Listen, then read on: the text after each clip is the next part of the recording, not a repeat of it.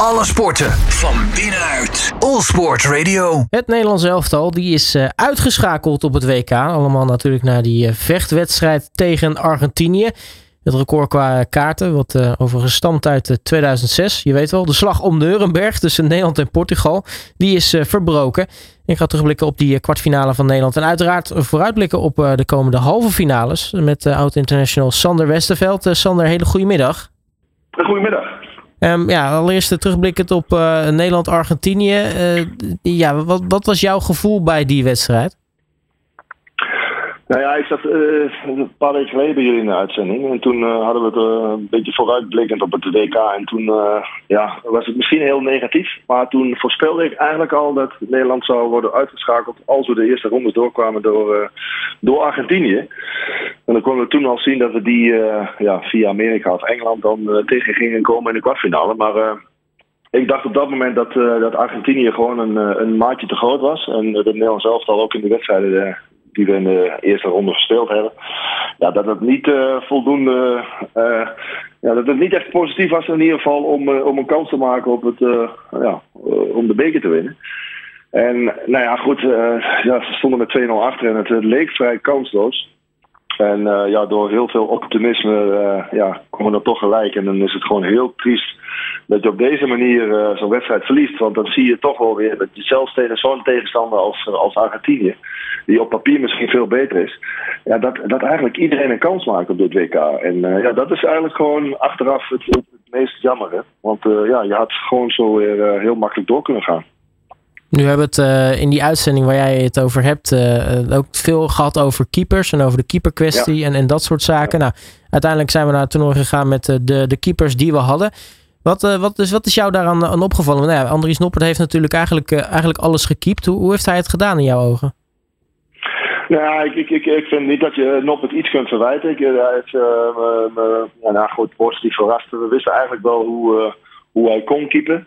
Uh, ik moet wel eerlijk zeggen dat, uh, dat, dat, ik vind dat hij niet eigenlijk uh, heel erg veel moeilijke ballen heeft gehad. En ik heb ook tijdens het WK gezegd dat ja, ik ben een Silas fan ik had verwacht dat Silas erbij kwam, op, ja, ook door zijn ervaring.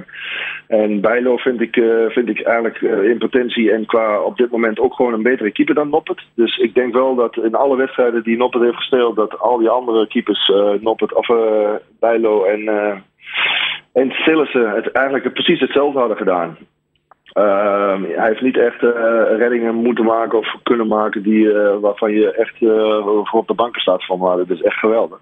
Uh, ik, ik, weet wel nog een redding die hij uh, links onder de, in, de, in de korte hoek nog uittikt. Die leek echt uh, geweldig. Alleen ja, hij stond gewoon veel te ver in het midden eigenlijk. Waardoor hij zo'n moeilijke redding moest maken. Dus, dus wat dat betreft, kijk, hij heeft niks fout gedaan. En ik, ik vind het allemaal heel prima. En, maar ja, ik vind dat Louis van Gaal echt gewoon een, een blunder heeft begaan. Door, door onze penalty specialist thuis te laten. En dat is, dat is nou wel weer gebleken. Ja, en eh, daarmee bedoel je inderdaad uh, Tim Krul, hè? Ja, want ik vind dat jij uh, met, met alles wat er omheen... Kijk, dit is natuurlijk heel... Uh, ja, ja, dit is precies wat Van Gaal niet wilde. Hij heeft het zo vaak over keepers gehad. Hij heeft zo vaak over gehad dat ze, dat, ze, ja, dat ze alles hebben gedaan. Dat ze zoveel getraind hebben op, op penalties. En ik heb altijd gezegd van, dit is onmogelijk om hierop te trainen. Je kunt je techniek trainen en je kunt vaste dingetjes oefenen... waardoor je als je onder spanning bent, dat je bepaalde dingen gaat doen... En uh, handvat hebt om, om, om, ja, om in ieder geval op, op, dat moment om je te helpen. Maar ja, ik vind gewoon dat, dat die Tim Krul als derde keeper had moeten meenemen voor de penalties. Want dan had hij echt 100% zeker een penalty gepakt. Want dat is gewoon onze penalty specialist. Dat heeft hij bewezen in de loop der jaren. Altijd. Bij, in Engeland en tijdens het WK in Brazilië. Dus onder druk.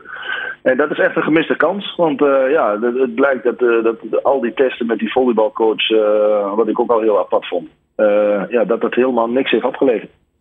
Ja, dan had Krul waarschijnlijk zijn, zijn revanche kunnen halen. Want na de laatste keer Argentinië ging natuurlijk ook mis op penalties. En toen werd hij niet ingebracht. dus hij, had, hij had ze gewoon hier kunnen halen. toen, vond ik. Want hij, hij heeft het laten zien tegen Chili. En hij pakte toen twee penalties, volgens mij minstens twee.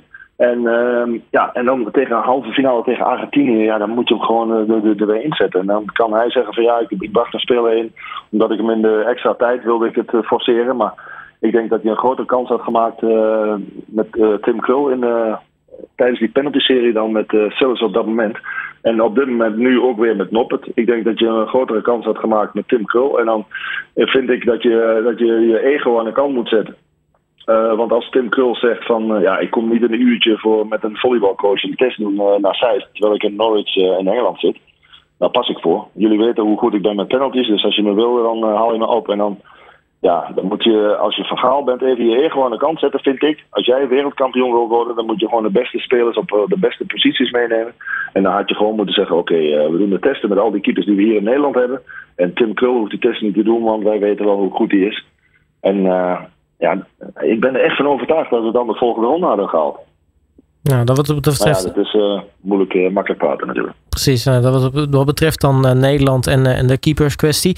Uiteindelijk is Argentinië door naar de halve finale. Daarin komen ze Kroatië tegen. En als we het dan over keepers hebben, ja, wat een fantastische keeper is die Livakovic. Ja, dat klopt. En dat heb je altijd uh, op zo'n WK, dat je ook sommige keepers uh, ja, die, die je niet eens kent, die dan uh, onder deze druk, of ja, ik weet niet waar het aan ligt, maar die dan boven zich uitsteken. we hebben dat ook al, al, al jaren gezien met die, die Choa van, van, van Mexico eigenlijk. Die in de competities, die heeft nog in België gevoetbald en nooit echt geweldig gespeeld. Maar tijdens een WK echt altijd de uitblinker is van Mexico. Ja, dit jaar wat minder. Maar ja, nu met Kroatië, ja, dan hebben we eigenlijk hetzelfde. En dan, uh, ja, dan moet je een beetje geluk hebben met, uh, met penalties natuurlijk. Want dan, ja, dan ben je al snel de held als je een penalty-serie, als je dat goed doet. Maar ja, dit is geweldig natuurlijk. En dit is, ja, nou goed, dat, dat had Nederland met Tim Krul kunnen hebben. Ik begin er weer over, maar ja, dan kun je zien in ieder geval hoe belangrijk het is. Als je Martinez hebt bij Argentinië, als je ziet hoe goed hij is met penalties, ja, dat, dat maakt dan uh, in dit soort dingen maakt dat het verschil. En met Kroatië ook, die, kunnen, die zijn heel erg uh, ja, gestructureerd, georganiseerd. Een heel goed middenveld natuurlijk. En uh, ja, die spelen echt met een heel goed blok.